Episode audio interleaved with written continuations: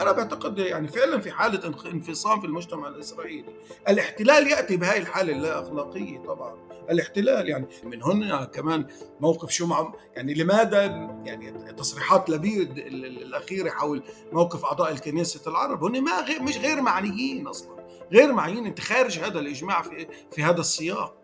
الصراع على هوية الدولة اليهودية. كل الشباب والصبايا اللي بيجوا إما من مناطق ال 48 أو من الضفة دائما بيكرروا هاي المقولة اللي أنت هلأ ذكرتيها آه، يعني بنكتوا طبعا هي كوميديا سوداء. مرارة. كتر خيرهم الألمان عم بيعيشونا آه عم بيعيشونا أجواء البلاد عرفت يعني؟ فهو آه في يعني نفس الممارسات اللي عم بتصير في في البلاد إن كان بال 48 أو بالضفة عم تحصل هون. مرحبا طارق. أهلا أهلا أهلا. طارق إحنا بكمان حلقة ببودكاست الأسبوع اللي رح يتم نشرها في 17 الشهر يوم جمعة وبعدها بأكم من يوم رح يبدأ رح آه، رمضان. يبلش رمضان. أنا كل عام وأنت بخير. وأنت بألف خير. والكل بخير. فلسطين والعالم العربي بألف خير. آه، بهاي المناسبة يعني إحنا يعني بتعرف إسرائيل عم تتعامل مع مع رمضان كحدث أمني. صحيح. يعني وإحنا يعني صح إنه بآخر كم سنة آه، يعني هيك الروحانية بكون عند الناس والانتماء آه، وطنيا ودينيا بكون عالي جدا. وإحنا بنلاحظ هذا الشيء. يعني الفترة الروحانيه بتكون أنت متعلق بالمقدسات بالأشياء اللي أنت بتآمن فيها بالأشياء اللي أنت بتحبها. صحيح. فبيجي بيجي, بيجي جسم زي إسرائيل بحاول ينغص عليك عيشتك وينكد عليك و ويخليك يعني تصير تربط شهر الخير والموده والرحمة صحيح. بأحداث اللي هي قمع وعنف وإلى آخره. توتر كبير آه. يعني إيش بده يصير؟ هلأ رمضان جاي إيش بده يصير؟ بس أنا بحب م. أذكر كمان آه، آه، يعني العالم كله إنه إحنا النكبة صارت في رمضان. فعشان يعني ما يحاولوش يقولوا إنه إحنا منجر لأنه شهر رمضان يكون شهر آه، توتر وبيضطروا يقمعونا وما إلى ذلك. لا هن كمان مرة هن ما دائما ما بحاولوش يلاقوا مبررات. دائما بيكون في عندهن يعني يعني شوف كان في خطوة استباقيه قبل قبل لسه شهر رمضان قمة العقبة اللي فيها. يعني خلقوا مشكلة لسه مش قائمة. يعني بقول لك يعني لخفض التوتر في رمضان. يعني يعني خلق مشكلة وبلش يبحث لها عن حلول قبل ما تصير المشكلة. خلص ما هو صبغه يعني. آه فهو صبغه يعني باللاوعي تبع الفلسطينيين أو تبع العالم بصف إنه رمضان هو شهر آه لازم نخاف عنف منه. على المستوى الفلسطيني أو على المستوى الإسلامي العالم الإسلامي. فإحنا لازم نستعد له قبل. فإحنا بنقول للي عم بيسمعونا ولا كمان اللي بيسمعونا ومش حابين يسمعونا إنه آه، رمضان شهر خير وشهر موده وشهر محبة صحيح. والفلسطينيين بيكونوا فعلا عم بيمارسوا روحانيتهم بيذهبوا للمسجد الأقصى وللقدس وبتواصلوا مع أقربائهم ومع أحبائهم. وإذا إسرائيل بتقرر إنها تنغص عليهم عيشتهم وتقيد حركتهم في القدس ولا في نابلس ولا في في حيفا في كل مكان الفلسطينيين زيهم زي أي شعب بالعالم له الحق بالدفاع عن نفسه والدفاع عن مقدساته والدفاع عن تواصله مع مع المقدسات اللي بزورها. فمش من حق إسرائيل أو أي جهة أخرى بالعالم تمنع الفلسطينيين إنه يمارسوا فرحهم ويعني أعيادهم أعيادهم بأماكنهم اللي هم بيشوفوهم مناسب مناسبة لهم فبهالمناسبه بنتمنى آه، شهر خير وشهر رحمة ومودة على كل الفلسطينيين وكل آه، العالم يعني أمين. بهذا المكان نعم بدي أسألك بإيش آه. بتأكل القطايف بجبنة آه. ولا بجوز أنا. طلع أنا كنت مرة بحزب الجوز بعدين صرت مع حزب القطايف بجبني. مم. بس مش عارف مرات حسب إذا بتكون مقرر تعمل حمية غذائية بتصير تأكل القطايف بلا بلا قطر وبعدين بلا آه، جبنة بتصير تأكلها مع جوز. مع إنه اثنين فيهن كثير دهنيات فيهن كثير كله بضر آه سواء مقلي أو مش مقلي تعلق الموضوع. أنا أنا كثير بحب القطايف وكمان أنا كنت مرة احبه بس بجوز وهلأ بحبه أكثر بجبنة. بتحسيها فترات. ممكن. معقول. هلأ الشيء الثاني إنه إحنا باللد أنا ما كنتش أعرف إنه في قطايف مقلية. بس لما طلعت من اللد فهمت إنه في إنه الناس بتقلي القطايف وأنا إنه مستحيل إحنا بناكله بس مشوي.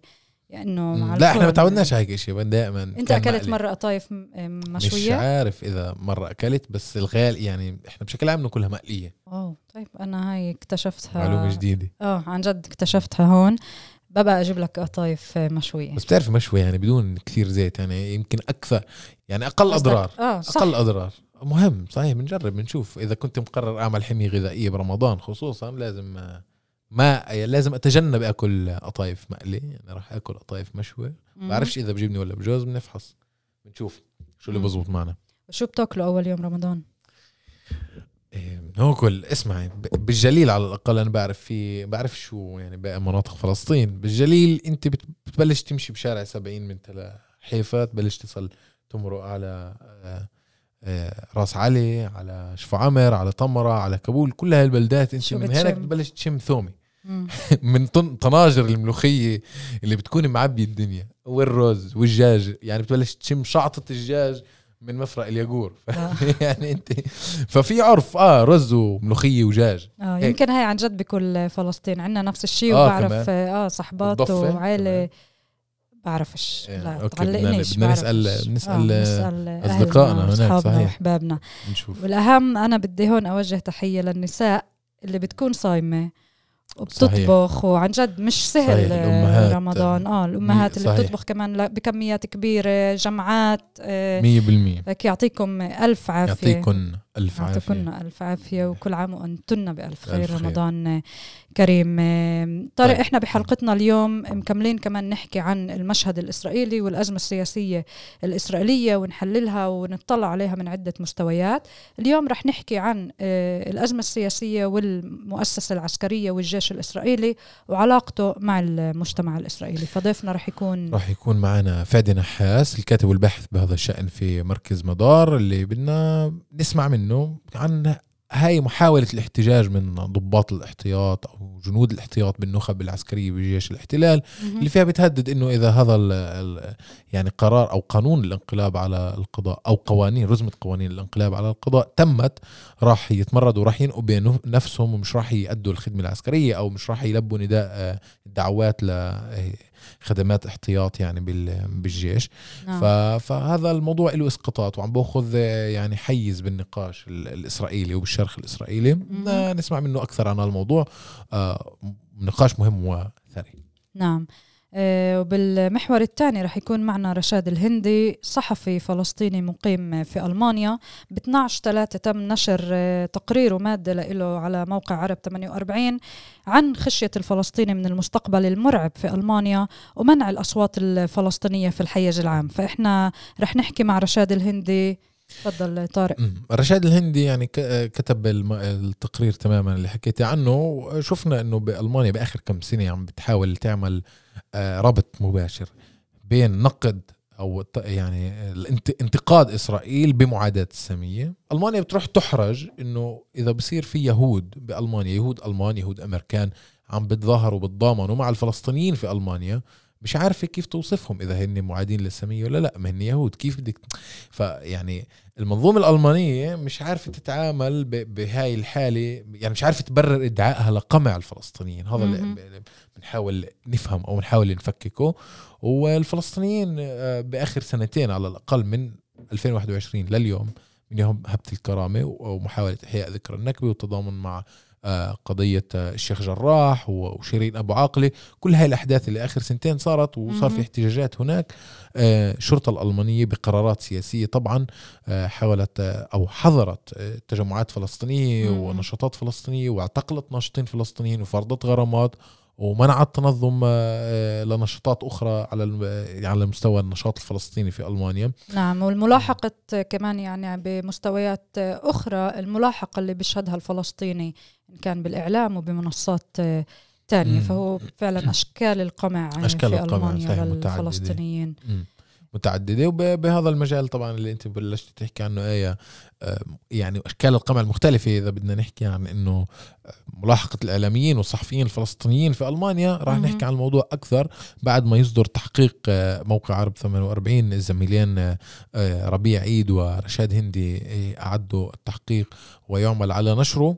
بعد ما ينشر راح نحكي عنه أكثر من هذا الجانب مع معدي التقرير مع معدي. التحقيق يلا يلا بدنا انتظرونا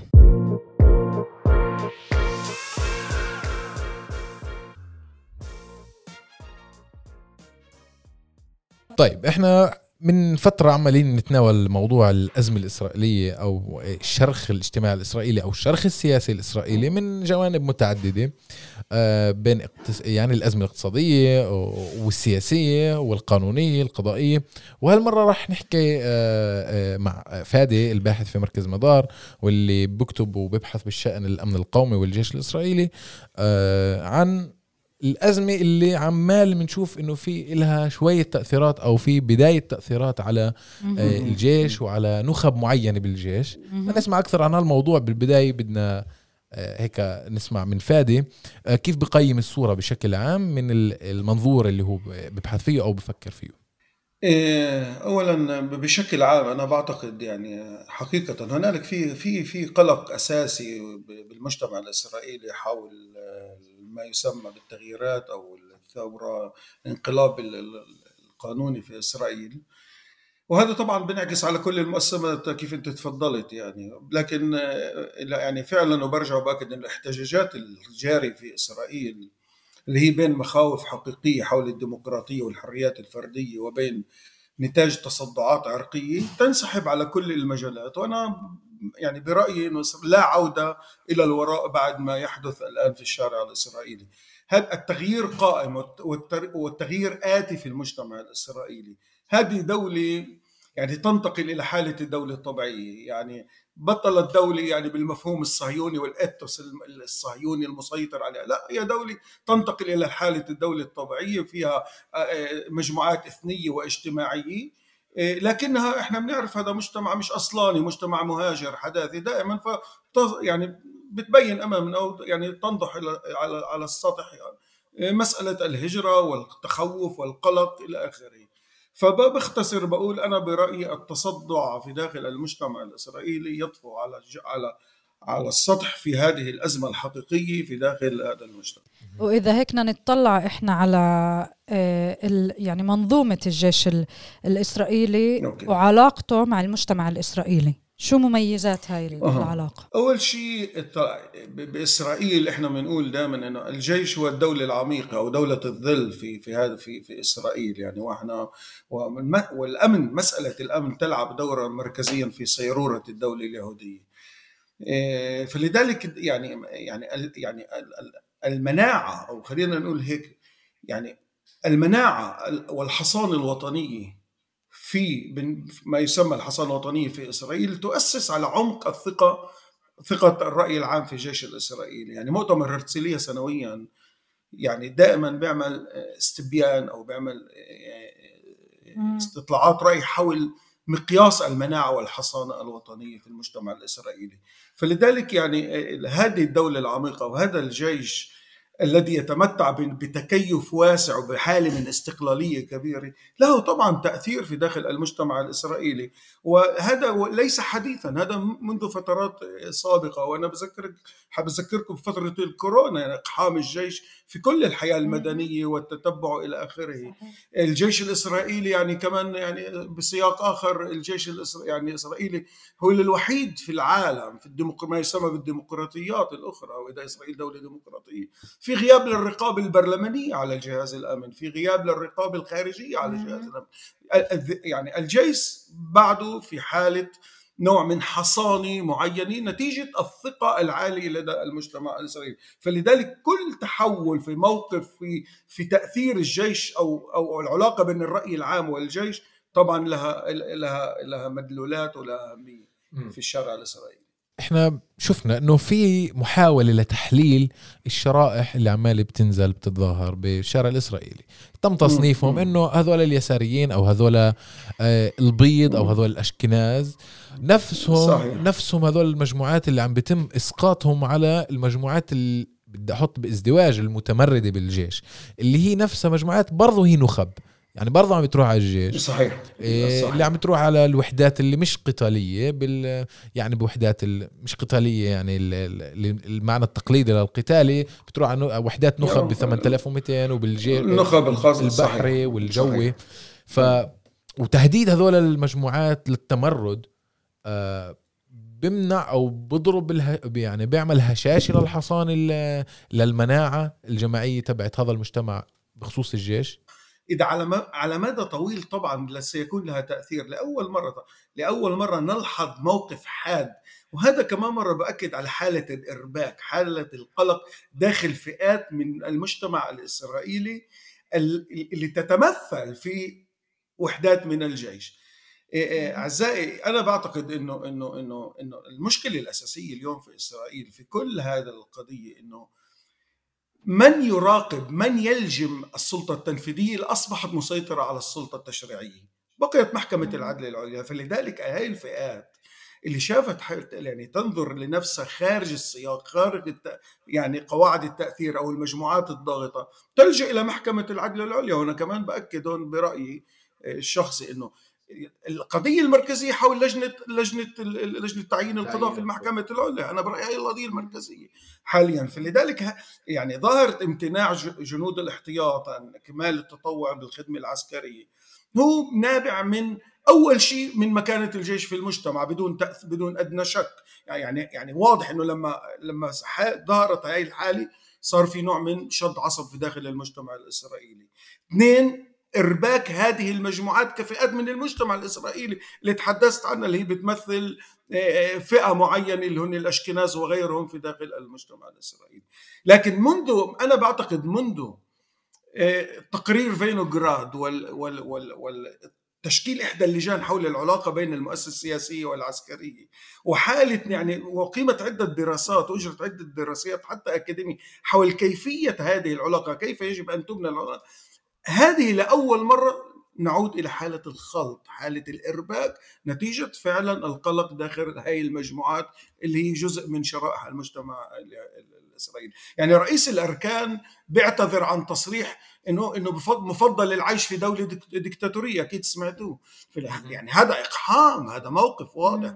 من سنوات حاولوا التجنب يعني قيادة الجيش حاولت تجنب يعني التداخل في قضايا سياسية وحتى اجتماعية في المجتمع الإسرائيلي. لكن هذه دولة شرق أوسطية يا جماعة يعني ما في ضوابط في هذا الأمر.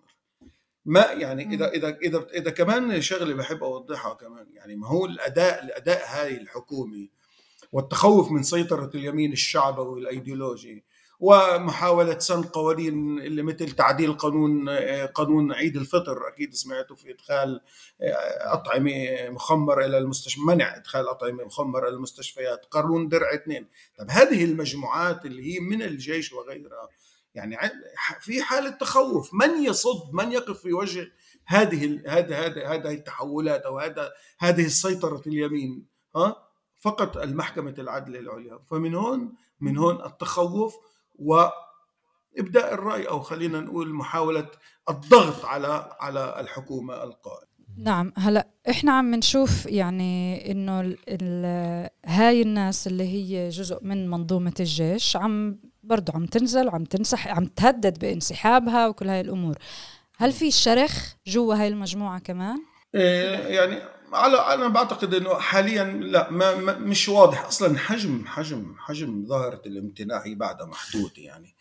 لكن كمان مرة أهمية المؤسسة العسكرية أهمية هذه الوحدات يعني تبرز يعني حجم القضية كيفيا وليس عدديا. يعني ما ما يعني غير واضح حاليا إنه في داخل هذه المجتمعات في شغل لأن حجمها أنا بعتقد بعده محدود يعني.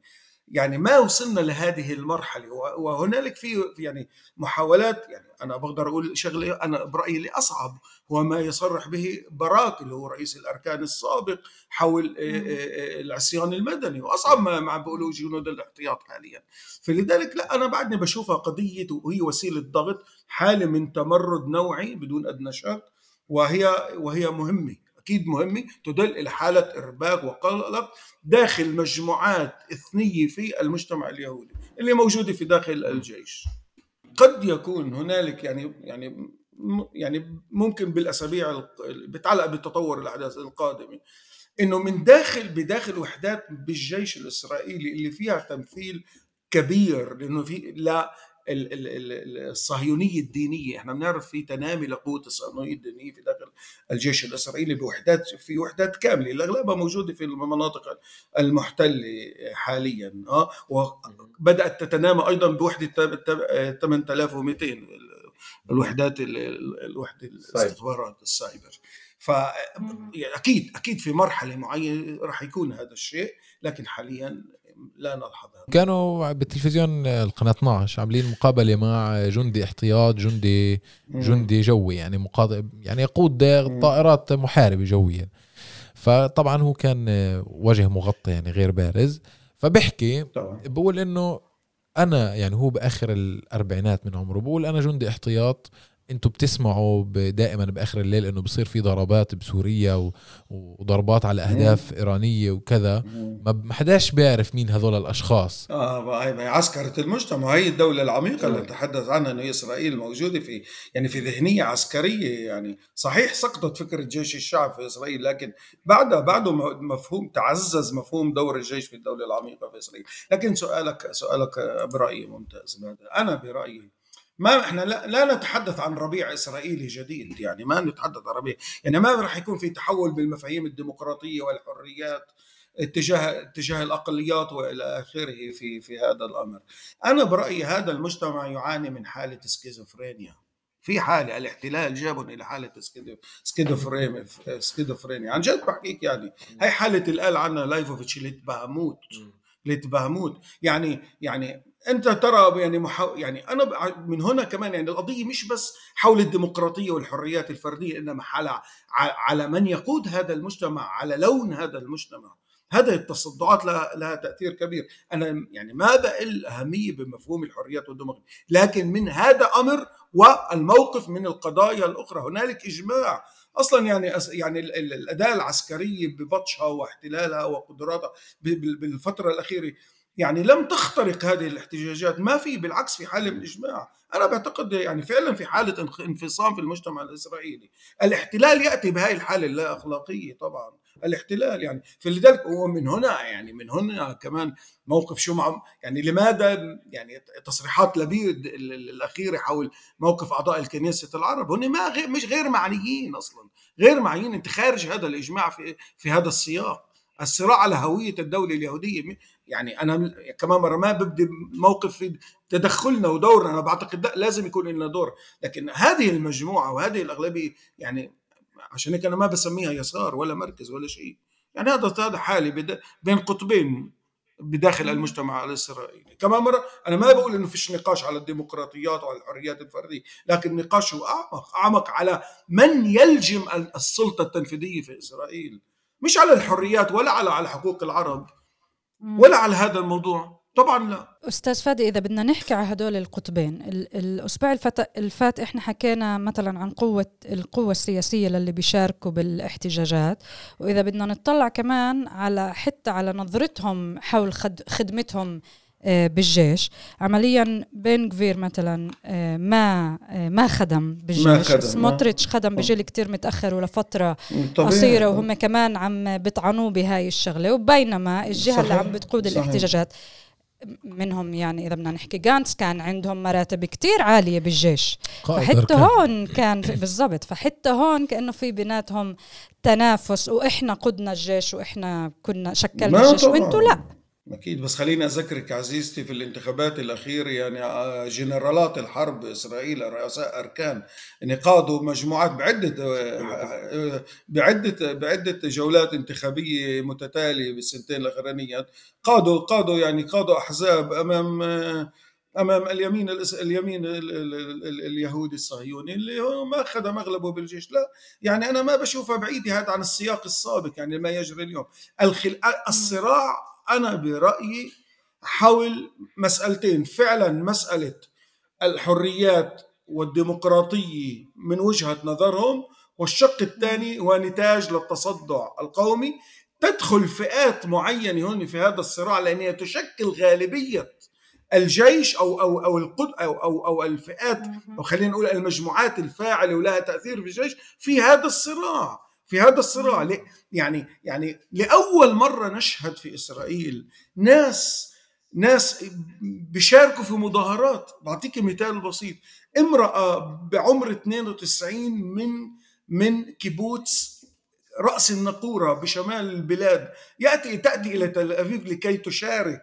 من هذا يعني هذا لا يختلف عن مشاركة الجيش. لا هن يعني القضية مقلقة لفئات عديدة. فواحدة من هذه الفئات اللي لها تأثير أنا برأيي طبعا هي هذه المجموعات اللي داخل الجيش. وترفع سقف تمردها إلى حالة يعني نوع من إعلان العصيان بين بين المزدوجين. لكن لا يعني لا الأمر أوسع من هيك وأكبر من هيك. وعلى فكرة يعني لا بن كفير ولا سموتريتش لا يكترث لمسألة مسألة الخدمة في الجيش للفئات الأخرى. وهذا طبعا بمرحلة معينة قد قد قد يعني يمس بمفهوم المناعة والحصانة التي تؤسس على عمق ثقة الرأي العام في الجيش الإسرائيلي. أكيد هذا أكيد. طيب. إيه يعني إذا بدنا نحكي بدي يعني بدي أرجع لنقطة هيك أنت فتحتها أوس صغير وسكرتها بس هي قد أوس كبير بدي أعود أفتحه معك. إنه بتقول إنه برأيك يعني آه، مع إنه لازم يكون لنا دور كفلسطينيين. أنا أحب لازم إيش؟ لازم يكون للفلسطينيين بالداخل آه, آه إنه لازم يكون طبعاً دور طبعاً. يعني بهذا السياق ولو أنت بعديها آه، أرفقتها بجملة لاحقا انه إنه لبيد أو غيره من قيادات هذا الاحتجاج بدهنش إياك فكيف شو طبيعي. شو المعادله يعني إيه، إيه، لا طبعا أنا أنا بقول يعني بدون أدنى شك نحن نتأثر من تراجع تراجع مساحة الحريات وما كانت مكانه المحكمة العدل العليا بإسرائيل. لكن أنا بقول هذه المشاركة يجب أن لن تكن على مستوى أفراد إنما هو نوع من تأطير على مستوى قياداتي. يجب التنسيق من قبل قيادة الاحتجاجات. هذه مع قيادة الجماهير العربية من جهة اللي هي الأحزاب وفئات مختلفة وإلى آخره. وبالتالي أيضا هنالك ضرورة لموقف موحد. إحنا كعربي 48 على مستوى القيادة نترفع نوعا ما عن عن خلافاتنا اللي هي جزء منها طبعا جوهرية. انما لكن في قضية جدلية هامة في المجتمع الإسرائيلي وإحنا مفروض نبدي دور ونبدي راي وقد يعني نبدي من منطلق فلسطيني يعني من رؤيتنا إحنا من من مفهومنا لهذا الأمر الموجود في داخل إسرائيل. ونعرض قضايانا ونعرض قضايانا. يعني ما أنا أنا ما بدي بس موقف ردة الفعل وموقف المتلقي. لا إحنا أنا برأيي على القيادة أن تبادر لنوع من تنسيق أو إصدار ورقة أو على الأقل بيبر يعني ورقة بيان معين اللي نحدد موقفنا بشكل عام. طبعا اللي, اللي ذكرته من جهة أنا بقول إنه لازم هنالك دور من جهة آخر هن بده يحاولوا تغييبنا بهذا الموضوع. أصلا يعني إحنا محكمة العدل العليا بإسرائيل يعني آخر سنة أنا قرأت بشيء لأحد الزملاء كتب إنه من 400 اعتراض بلجنة بمجال التنظيم والبناء آه, آه، فقط حالة واحدة تم التعاطي معها على مستوى المحاكم. هذا موضوع إحنا بنعرفه إنه لم لم تنصفنا محكمة العدل العليا ولا بأي قضية جوارية كبرى يعني. لكن من جهة أخرى نحن موجودين في دولة لازم أن نكون مبادرين ولنا دور واضح واضح له لون له طابع قومي بالدرجة الأولى وهذا أنا برأيي يجب يكون على مستوى قيادات. بس أستاذ فادي أنت بالضبط كمان عرفت شو هو دورنا. يعني الدور هو مش مثلا المشاركة في الاحتجاجات. دورنا هو إشي مختلف تماما وجوهري. أقول لك شغلة قد يكون مشارك بيتعلق بمستوى التنسيق مع قيادة الاحتجاجات. بس أنا بقول لك مش راح نشارك لأنه يعني الطرف الآخر غير لا يرغب. يعني ما بعد في قناعة في إسرائيل. وخاصة لدى هذا هذه الفئة التي اللي بسموها المركز واليسار أنا بسميها أكثر الأشكناز والروس وإلى آخره الفئات العرقية الاثنية المختلفة. ما قادرين يطلعوا من الإجماع اللي متفقين عليه هو الإجماع الصهيوني اليهودي يعني ما قادرين ينظروا لنا ينظروا لنا إحنا شركاء لهم فقط في الانتخابات. شركاء لهم في في في يعني بالفتات. توزيع هنا وهناك. ما بينظرونا كأقلية قومية. ما هذا موضوع أكيد تحدثت مع مع زملاء آخرين وأخبر مني بهذا المجال بس الأمر واضح أنا بعتقد بس لأنك ذكرت موضوع التنسيق فهو سؤالي لك إحنا بدنا آه. ننسق معهم بإيش؟ لما هم مثلا رافضين يحكوا عن موضوع الاحتلال رح الأشياء اللي إحنا بدنا نحكي فيها هم بدهم مش مش بس بدهم مش يسمعوا عنها. بضرب شرعيه هاي... الاحتجاج وكأنه. آه عندهم. آه لا طبعا. لا أكيد أكيد. أنا أنا ما بقول أنا ما عندي فكرة متبل مبلورة. لا إذا ما بده ينسقوا آه. معنا في قضية الاحتلال ووقف الاحتلال وكذا طبعا ما بننسق أكيد يعني لا. لعنا ثوابت لا نتنازل عنها لكن هن أصلا المجتمع الإسرائيلي شاطر في قضية مركزية. أنه يتفق على الحد الأدنى من القضايا. ما بيتفق على السقف على الأعلى يعني على القمم. لا وهذا عشان هيك إحنا ولا مرة ندفع على شيء يعني. لا في حد أدنى من الاتفاق بين مجموعاتنا يعني. أقول لك شغله شغلي. أنا بعتقد لابد من الحوار على الأقل على الأقل حوار داخل المجتمع الفلسطيني في الداخل. يعني حول القضية هاي قضية مطروحه على مستوى دولي. وإحنا إحنا جزء شئنا ام ابينا من هذه الدولة. أنا ما بقول إنه إحنا نشارك لا. بس أنا على الأقل هذه القيادة يجب أن تكون فعالة على الأقل. مش مش مش نخب مش على مستوى نخب. خليني أقول لك بس بسمحوا لي أقول جمله إسرائيل استطاعت ان أن تعمل يعني أن تأتي بما يسمى ال atomization يعني تذرير الأفراد. تتعامل معنا كنخب وكأفراد إن صح التعبير النخب كمان هاي الكلمة أنا بس مش كتير بحبها يعني.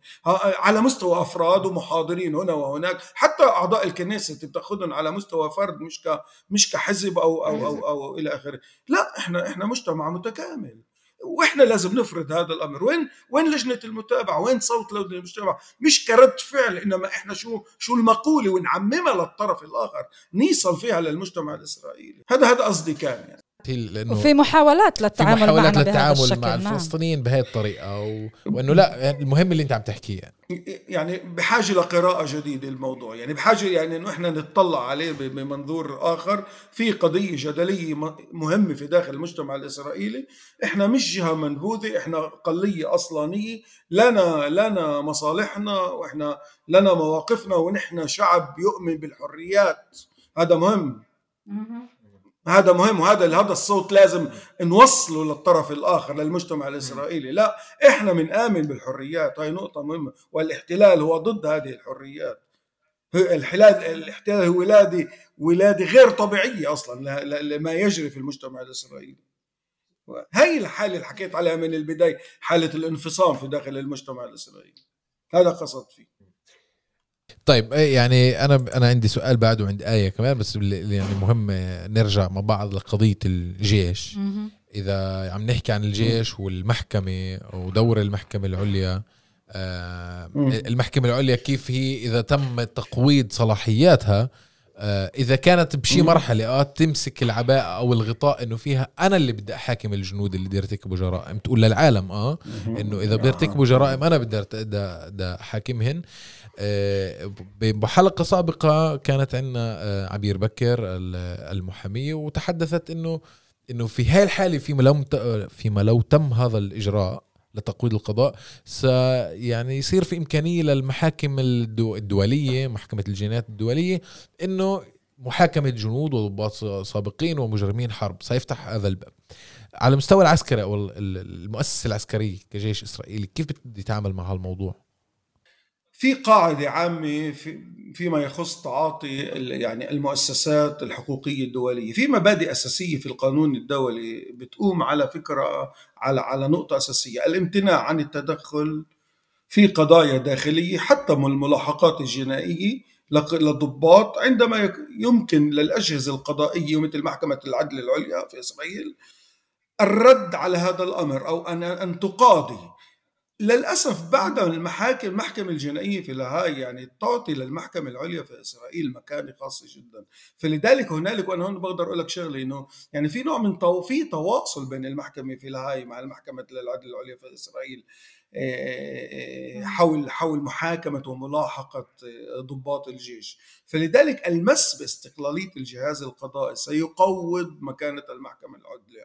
ومن هون المحكمة الجنائية في الهاي تتراجع إلى حد معين أو ممكن إلى حد كبير وفعلا تباشر في أخذ مواقف حقيقية وعينية. حتى الآن هي في مجال التصريحات أكثر.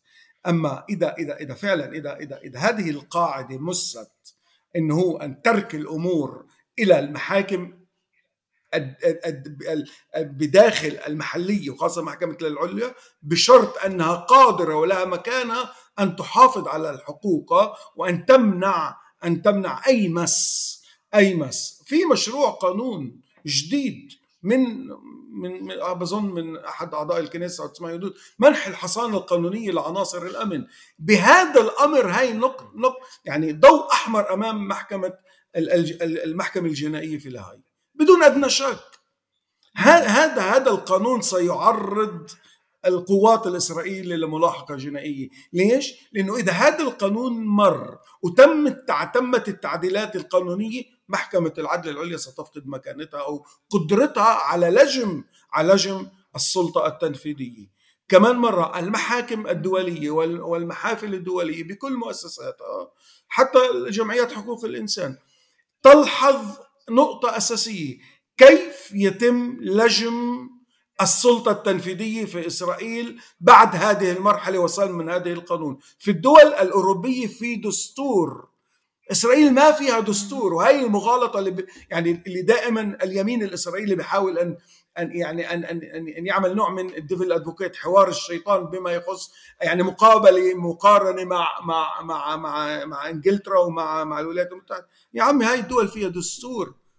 الحقوق الأساسية هناك اسف القوانين الأساسية تعطي تخول المحاكم العليا أن أن أن أن تبحث في في في قوانين غير يعني غير شرعية بدي أسميها. طبعا طبعا هذا هذا مغالطة كبيرة للمجتمع الإسرائيلي أنا برأيي يعني. إحنا إسرائيل دولة ما فيها ما فيها ما فيها دستور. فلذلك إذا تم المس باستقلال النظام القضائي والمحاكم في إسرائيل وخاصة محكمة العدل العليا غير قادره على الحماية أو أو أو الحماية خلينا نقول يعني الحريات أو وتحاسب الأجهزة الأمنية ستتدخل قد تتدخل ما بدي أعزم المحكمة الجنائية في الهاي وغيرها. وكيف بنفسر هذا الاحتمال مع عدم يعني آه إنه يعملوا له حساب؟ الناس اللي هلا عم بتحاول تضعف آه القضاء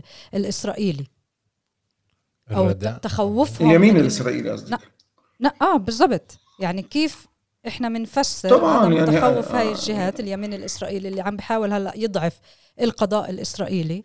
من إنه بدل ما محكمته كأنه تلجم وتحاسب إنه محكمة دولية ممكن تحاسب مش خايفين من هذا المحل؟ طبعا طبعا. هون أعود يعني لأؤكد على إنه يعني سيطرة اليمين الشعبي والأيديولوجي يعني الحالة هاي هذه الحالة حالة يعني أنا بعتقد هي فعلا مخيفة للمجتمع الإسرائيلي. هاي الحالة العنصرية تعطي يعني تضع غطاء أمام أمام أمام أي أي تفكير استراتيجي حتى إذا بهذا المفهوم إن كان في مجال القانون إن كان في مجال الجيش إلى آخره.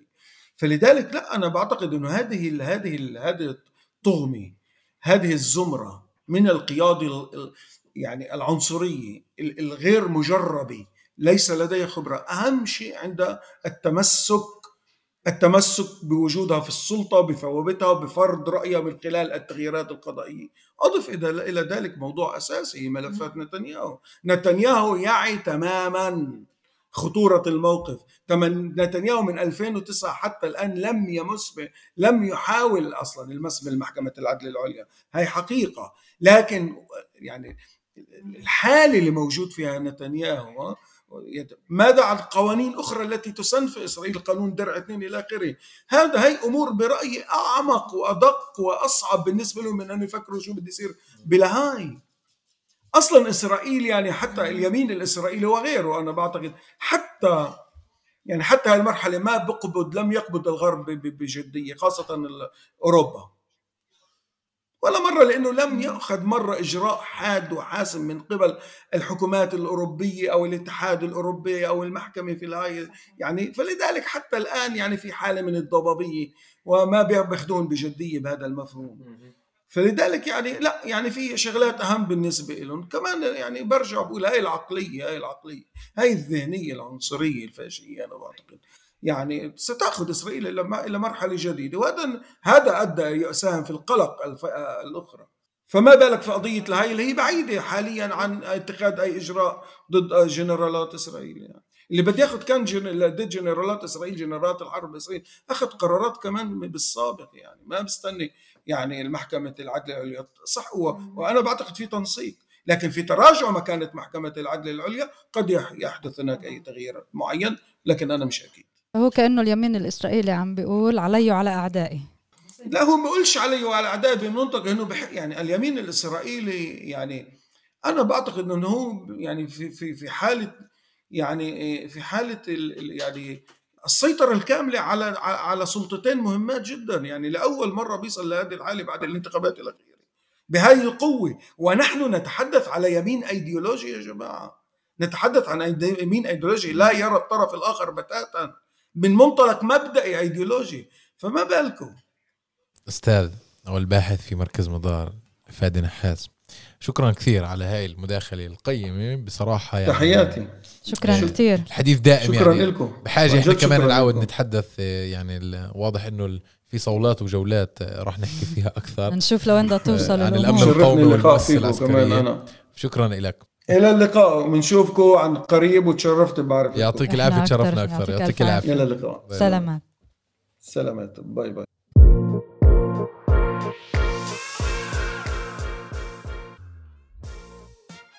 سنة 2022 بشهر خمسة قامت مظاهرات في ألمانيا في عدة مدن. وقتها كان احتجاج على آه، مقتل شيرين أبو عاقلة الصحفية شيرين أبو عاقلة على يد جنود جيش الاحتلال. في هذيك الأيام بالصدفة أنا كنت في ألمانيا يعني. ورحت شاركت بشيء احتجاج وشفت قديش الشرطة الألمانية في عدة مدن حاولت أنها تطوق المظاهرات وتمنعها من السير في شوارع المدن الألمانية.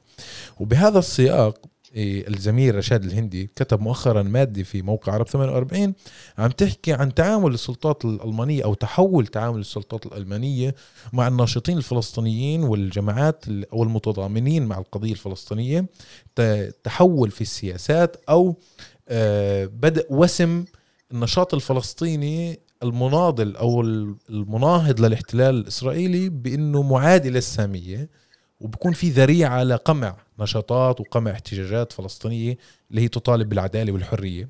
فلا نسمع أكثر عن هاي المادة وعن محتوياتها وتفاصيلها.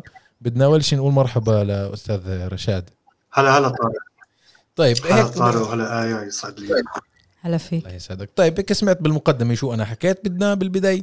آه تعطينا هيك من عندك إيش بتحب تبلش تحكي؟ يعني هو خلينا نقول إنه هذا القمع أو هذا التوجه آه، مش جديد في ألمانيا. آه، هو يعني بلش من كم سنة وجاي. هو عبارة عن تراكمات يعني تراكمات سياسية خلينا نحكي. اللي هي برضه آه، الطرف الإسرائيلي اشتغل عليها واستغل الموضوع فيما يخص التاريخ الألماني المرتبط بموضوع الهولوكوست طبعا المحرقة اليهودية. فهون عم بيتم استغلال الموضوع بشكل كبير وفي آه، المصطلح المتداول أكثر شيء فيما يخص معاداة السامية اللي هي معاداة السامية المرتبطة بإسرائيل. طبعا هو هذا آه، مصطلح فضفاض يعني خلينا اللي هي آه، بدناش ننفي إنه في وجود لهيك شيء ولكن مش بالضخامة اللي هم بيصوروها وبالشكل اللي بيتم تسويقه له يعني فيما يعني خليني يعني أعطي مثال. آه، شو هي مثلا المعاداة السامية المرتبطة بإسرائيل؟ إنه مثلا آه، لما يكون في نفرض أحداث معينة في آه، فلسطين وإسرائيل ممكن يتم توجيه مظاهرة ضد كنيس يهودي في ألمانيا. ضد جالية يهوديه في ألمانيا أو في موقع ما يعني مش ضروري ألمانيا. فهاي طبعا خلينا نقول معاداة سامية مرتبطة بإسرائيل. في برضه معاداة سامية مرتبطة بإسرائيل بالمناسبة اللي هي ما بيحكوش فيها يعني. يعني مثلا زي الرفاق الإسرائيلية أو اليهود اللي هم متضامنين مع القضية الفلسطينية. هذول برضه بتعرضوا لمعاداة سامية من آه، المجموعات والمؤسسات وكذا. اللي هي مؤيدة لإسرائيل. عرفتوا؟ هاي طبعا بيجيبوش سيرتها. ولكن اللي عم بيحصل إنه آه، حتى موضوع آه، زي ما أنتم شايفين يعني زي ما ذكر آه، طارق بالمقدمة إنه حتى فقط موضوع انتقاد بسيط لإسرائيل اللي هو مش انتقاد يعني هو خلينا نقول إنه السنة الماضية يعني كانت إحياء ذكرى النكبه إحنا عم نحكي هون بشيء يعني واقع مش يعني هذا موثق حتى عند المراجع الإسرائيلية يعني مؤخرا عم بيحكوا فيه كثير إنه النكبه هي حدث واقعي. فهون في عم بيتم نفي للرواية الفلسطينية بشكل كامل. وعم بيتم محاربتها وأي نقد لإسرائيل عم بيعتبروه معادي للساميه آه، فهذا خلينا أول شيء آه، آه، نشرحه ونحكي فيه يعني بشكل واضح. آه، أستاذ رشاد يعني إحنا عم نحكي عن رف...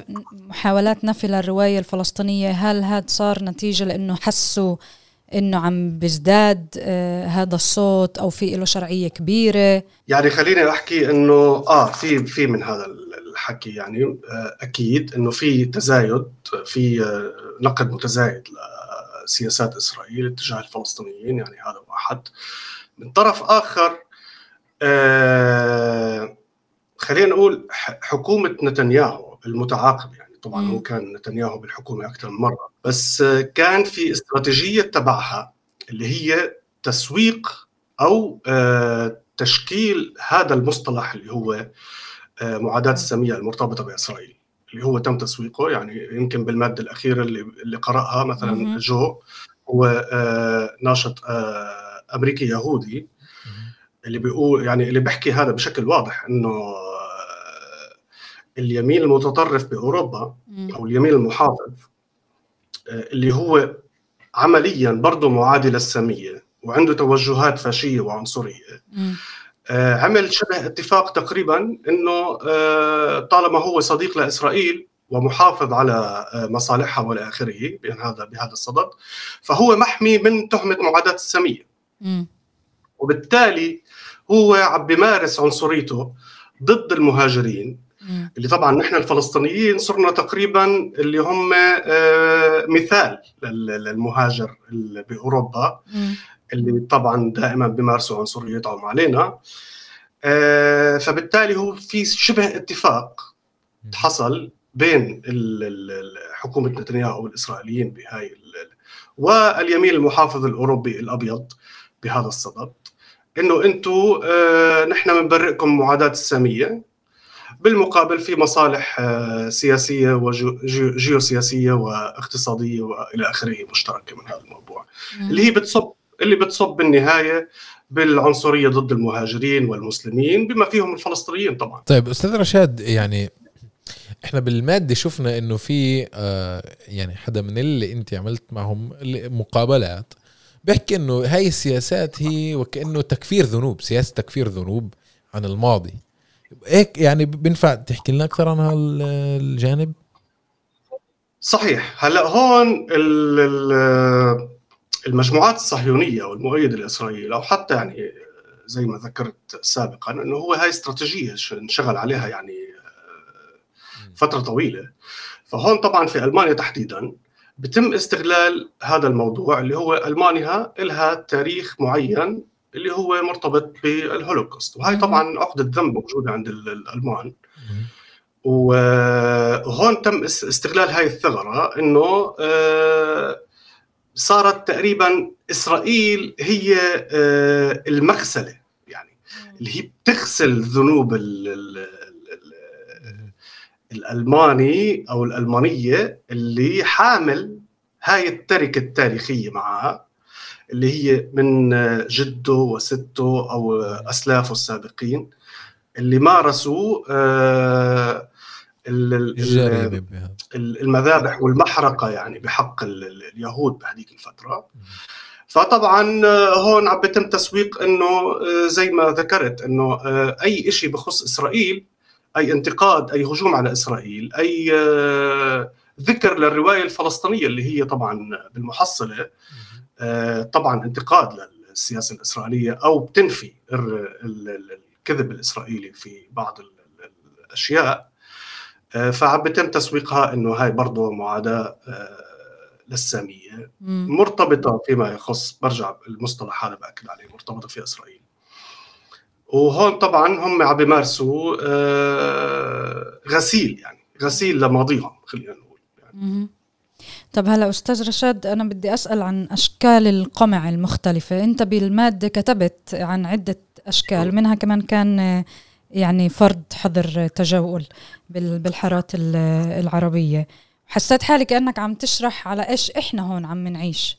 فممكن تعرف لنا أكثر عن هاي أشكال القمع اللي عم يعني بيواجهوها الفلسطينيين أو المتضامنين مع فلسطين.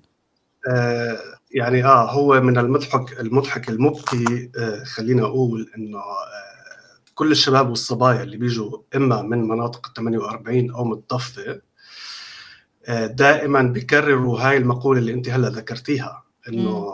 يعني بنكتوا طبعا هي كوميديا سوداء مرارة إنه كتر خيرهم الألمان عم بيعيشونا آه عم بيعيشونا أجواء البلاد عرفت يعني مم. فهو آه في يعني نفس الممارسات اللي عم بتصير في في البلاد إن كان بال 48 أو بالضفة عم تحصل هون. آه سياسة تكميم الأفواه أو القمع الفلسطيني هو على عدة مستويات عم بصير آه في زي ما ذكرت بالمادة اللي هي حظر التظاهرات أحياء ذكرى النكبة حصلت أو آه حظر آه الوقف التضامنية فيما يخص آه اغتيال شيرين أبو عاقلة. كان العام الماضي ولكن مش عند هذا الحد بوقف لا الموضوع بتعدى لأكثر من هيك نحن مثلا اليوم كصحفيين وإعلاميين وصناع سينما وأفلام وكذا والى آخره في ألمانيا اللي من خلفيات فلسطينية أو عربية أو حتى متضامنين. يعني الموضوع يتعدى حتى إسرائيليين ويهود. عم بتم تكميم أفواهنا ومنعنا من التعبير عن آه، هاي الأشياء. وهذا حصل. يعني عندكم مثلا اللي حصل في دويتشه فيلن من فصل آه، فصل موظفين فلسطينيين وعرب مم. إعلاميين وفلسطينيين وعرب تعسفيا. مم.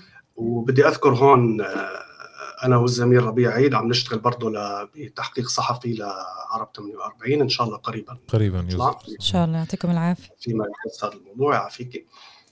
آه، بالإضافة لتحقيق كامل اللي جرى يعني هو تحقيق مش بس بي كان بخص الموظفين الإعلاميين في داخل مؤسسة دوتشه فيلي وإنما برضه تعدى الموضوع مؤسسات عربية إعلامية شريكة منها فلسطينية يعني أغلبها فلسطيني.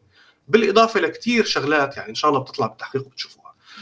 برضه كان في آه، فصل مثلا للصحفية ال- ال- الألمانية الإعلامية ال- ال- الألمانية من أصول فلسطينية نعمل حسن بعرفش إذا يعني هذا سمعتوا فيه. تم فصلها بسبب إنه هي آه، في سن يعني قبل آه، هي تم فصلها عام 2022 من قناة آه، ألمانية رسمية اللي هي ال WDR خلينا نقول اللي هي التلفزيون أو الرسم القناة ال- ال- الرسمي الألماني الغربي مم. في عام 2022 تم فصلها بسبب مشاركتها بعام 2014 لما كان عمرها 22 19 سنة يعني لساتها. آه، صبية مراهقة كانت مم.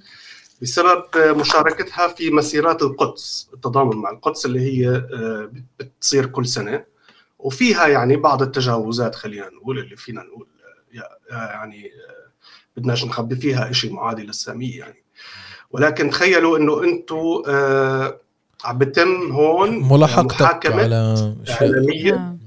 على شيء عملته وهي مراهقة مم. وتم يعني هي آه، صار الموضوع لما آه، إجوا بدهم يسلموها برنامج ضخم عرفتوا يعني صار مم. بتشتغل كإعلامية. فكان الحديث عن إنه بدها تسلم برنامج آه، معروف في هذا في هاي المحطة الألمانية مم. فنبشوا وراها وطلعوا لها آه، صور وهي مشاركة مم. وطبعا آه، صار الموضوع تعدى يعني هون عند نعمل حسن بدي أذكر أنا بس بس يعني نقطة مثال بسيط جدا بهذيك الفترة كان في كتير حديث عن نعمل حسن وتم مهاجمتها وكذا والى اخره. طبعا تم وصمها يعني ب إنها الإسلامية المتطرفة المعادية للساميه و و و و, يعني آه، كتير أوصاف مشينه كان في بودكاست من إعلاميين ألمان معروفين يعني مش مش عم نحكي هون عن إعلاميين صغار لا إعلاميين ألمان معروفين أحدهم بذكر في البودكاست بحكي يعني طبعا نعمل حسن كانت سابقا ردت عليهم في مقال بصحيفة Berliner Zeitung من ضمن ما قالته يعني هي إنه أنا بالنهاية ال identity تبعي فلسطينية. ف deal with it يعني آه، حكت لهم عرفتوا.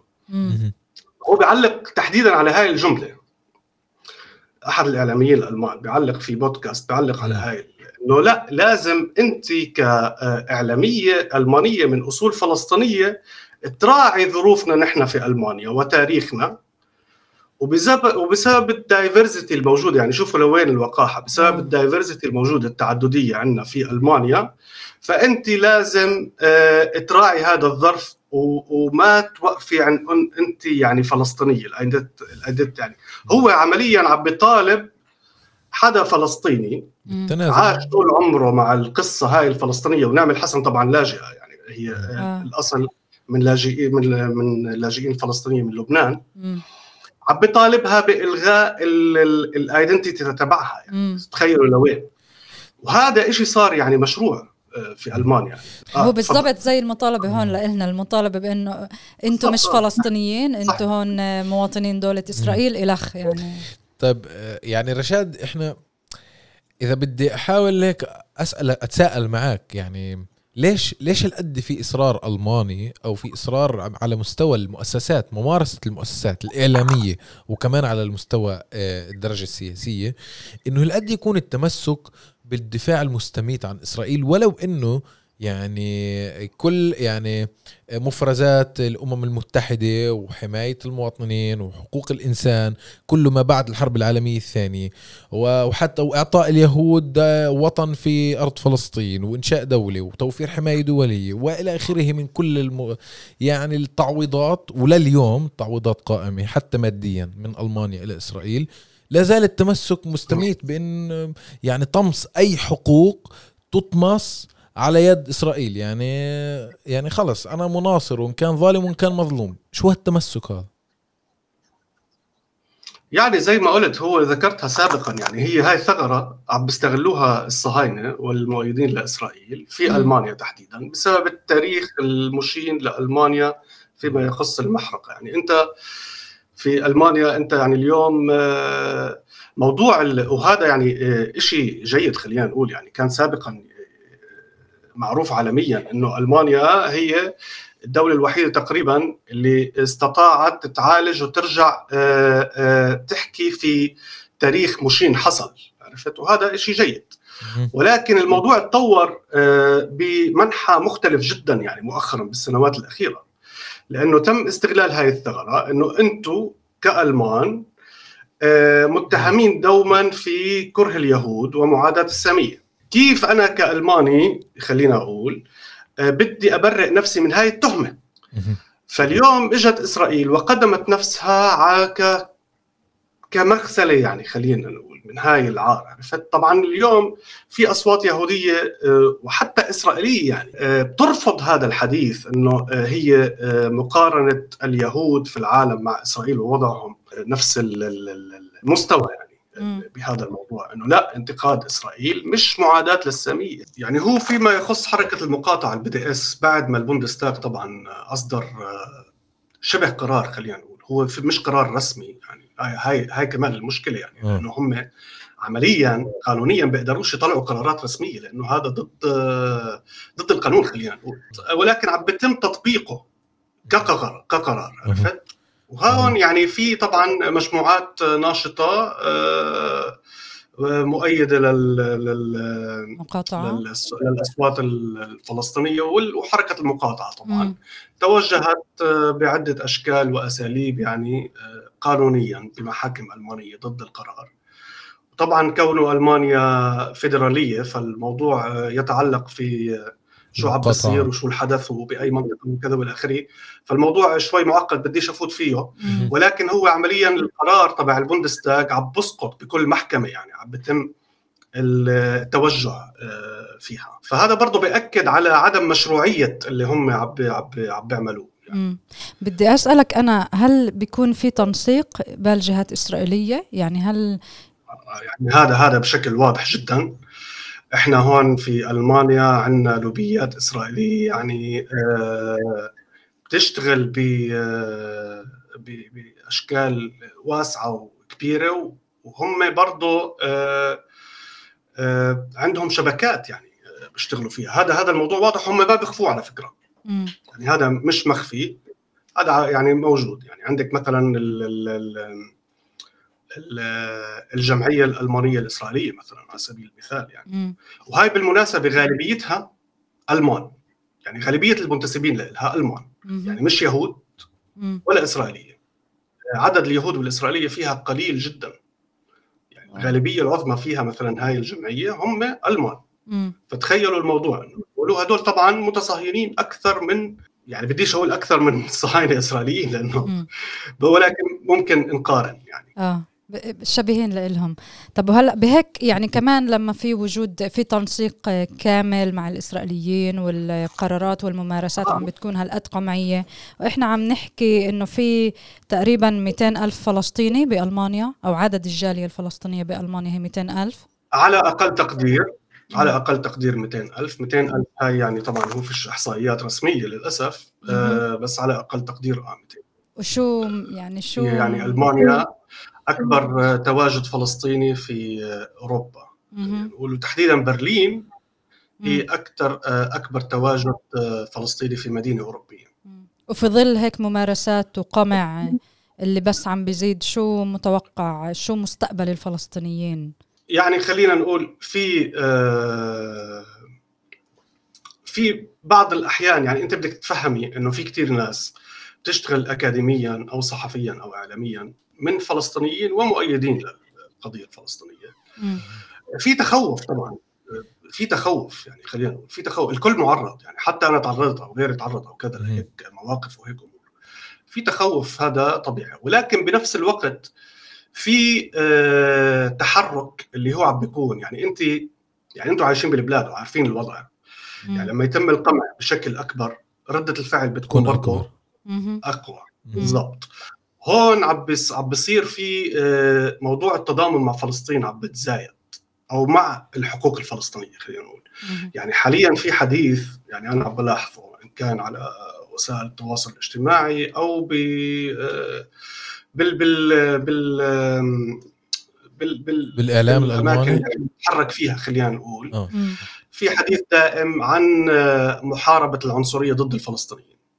يعني هذا مثلا اليوم صار في عندنا مصطلح بألمانيا اللي هو انتي بالستينيان راسيزم يعني وهذا بتخيل هذا نجاح صغير لنا عندك برضه كمان مجموعات ناشطة عم تشتغل يعني مثل مثلا مجموعة فلسطين بتحكي في ألمانيا. يعني هاي مجموعة آه،. مجموعة نشطاء فلسطينيين وهم غالبيتهم على فكرة فلسطينيين خلانين هون يعني خلانين ربيعيين هون. كثير منهم بيحكوش عربي يعني. وصامدون. وصامدون عندك مثلا عندك كمان المجموعات اليهودية والإسرائيلية اللي هي برضه مثل مجموعة آه، الصوت اليهودي من أجل السلام العادل أو الاتحاد اليهودي. الشيوعي وكذا والى آخره اللي هم برضه من طرفهم عم برفضوا أي آه، خلينا أي مقارنة مع إسرائيل كونهم يهود. سبيل. انه آه هن بحاولوا يحكوا إنه إحنا يهود يعني. إذا بنطلع نتظاهر ضد إسرائيل بنفعش ت- كيف بدكم تيجوا تقولوا عنا معادين للسامية؟ فيعني أوكي هي بالضبط. بيكون- نعم. بيكون سهل للتنظيم يعني لتقنين أو لشرع من المفارقات- من المفارقات اللي بدي أذكرها هون في برلين في تجمع لاسرائيليين يساريين عم بيصير يعني. هو من عدة سنوات. وهدول يعني ال- ال- الاسرائيليين مش مش بس يهود لا إسرائيليين يهود يعني. آه، فعم بتجمعوا في في برلين من عدة سنوات لأسباب مختلفة. آه، وهدول آه، تقريبا آه، يرى لهم من الألمان ب يعني ب ب آه، بنظرة كثير مريبة. وفي معاداة سامية كبيرة ضدهم. ليش؟ بسبب مواقفهم المؤيدة لفلسطين أو الناقده لإسرائيل يعني أنتم تخيلوا اليوم حدا إسرائيلي آه، آه، خلق في في البلاد ونشأ وترعرع فيها وبعرف الوضع هناك وأصوله ألمانية يعني جده أو سته. تم تهجيرهم خلال المحرقة اليهودية في ألمانيا. وهربوا على فلسطين وكذا والى آخره وهم يعني الجيل الثالث أو الرابع وبوقت معين قرروا إنه يرجعوا ألمانيا. ألمانيا مختلفة. وعم آه، عم بيحكوا وجهة نظرهم بالموضوع يعني مين أعرف باللي عم بيصير غير اللي ساكن هدول. بالبلاد كمان بالضبط آه، بيجي حدا ألماني آه، اللي هو ممكن أبوه أو سته عرفت هو اللي نفذ آه،. شارك. ضد آه، ال- باضطهاد اليهود في المحرقة وكذا والى اخره. وبيأشر عليهم وبيحكوا لهم أنتم معادين للسمية مم. يعني نحن لهون واصلين. هاي يعني هذا الوضع مم. آه هاي هاي يعني هذا الوضع اللي موجود. يعني طيب. هذا بتخيل هذا المثال بيشرح كثير عن الوضع. الراهن بألمانيا. وكمان يعني يعني غير يعني غير ال غير اليهود والإسرائيليين والألمان كيف تعاملوا معهم كمان يعني بلشت ببدايه الحلقة أحكي عن إنه شاركت في مظاهرة في مانهايم مدينة مانهايم. كان في هناك مجموعة ناشطين فلسطينيين وغير فلسطينيين داعمين لهم كمان توانسة. في شاب تونسي كان يهتف بالهتاف تبعه بالألماني بيحكي إنه إسرائيل تقتل الأطفال الضابط تبع الشرطة اللي كان آه. مطوق المظاهرة وعمال يعني مانع المسيرة تتقدم بيحكي بالميكروفون بيقول إنه يعني بس بدي أحكي ملاحظة إنه هذا الشعار خاطئ لأنه إسرائيل لا تقتل الأطفال بس أنا مم. أنا واقف بلشت أحلل شو شو يعني عم بحكي هو. اولا بعرف إنه ضابط الشرطة مش بالضرورة مش يعني مش لازم يناقش المتظاهرين بالأساس على إدعاءات. يعني يعني هو هو وظيفته الدور الوظيفي تبعه يحفظ الأمن مفروض. بس هو صفى مدافع عن عن إسرائيل يعني هو ضابط للشرطة بمدينة بألمانيا صفى عم بدافع عن سياسة إسرائيل أو عم بناقشها ومش دوره يعني شوف لوين كمان. صحيح. مليون بالمية. هذا برضه بأكد شيء في برضه بنفس المادة اللي كتبتها في تحول الموقف الرسمي الألماني تجاه إسرائيل أو تجاه ال- قضية الشرق الأوسط خلينا نقول. آه، في برضه آه، لجنة عمل أمنية آه، انبثقت عن أو تم تفويضها من ما يسمى مؤتمر وزراء داخلية ألمانيا. وطلعوا طبعا ورقة عمل بضمن هاي ورقة العمل. ورقة العمل كلياتها هي بتحكي عن معاداة السامية المرتبطة بإسرائيل. فمن ضمن ال- الأشياء اللي أنت ذكرتها طارق اللي هي المظاهرات وكذا والى آخره. برضه بحرضوا إنه آه، الهتافات اللي زي هيك. يعني حتى مثلا في خريطة فلسطين التاريخية. آه، صحيح. يعني بالورقه وارد إنه هاي معادية للسامية. يعني صحيح. بينما بينما مثلا المؤسسات أو اللوبيات أو المجموعات ال- ال- المؤيدة لإسرائيل بتستخدمها. بحطوا إسرائيل كاملة عليها يعني هم نافين الوجود الفلسطيني فيها تمام. هذا ما بيجيبوش سيرته. هاي مش معادلة الساميه رشاد. آه بالضبط. طيب رشاد الهندي شكرا جزيلا لك شكراً على هاي كتير، المداخلة والمواد رشاد. القيمة اللي تكتب في عرب 48 وعلى نشاطك اللي دائما بتوثقه وبتدونه. وبعد التحقيق راح أكيد نتواصل ونحكي كمان مرة عن عنه أكثر. العفو العفو كثير وشكرا لكم ولاستضافتكم وللحديث الجميل معكم. يعطيك شكرا. العافية. يعطيك رشاد. ألف عافية.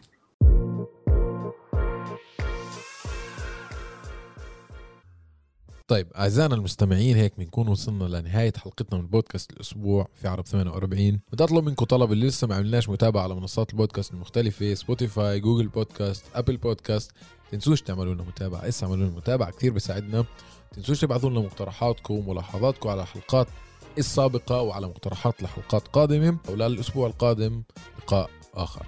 يعطيكم العافية.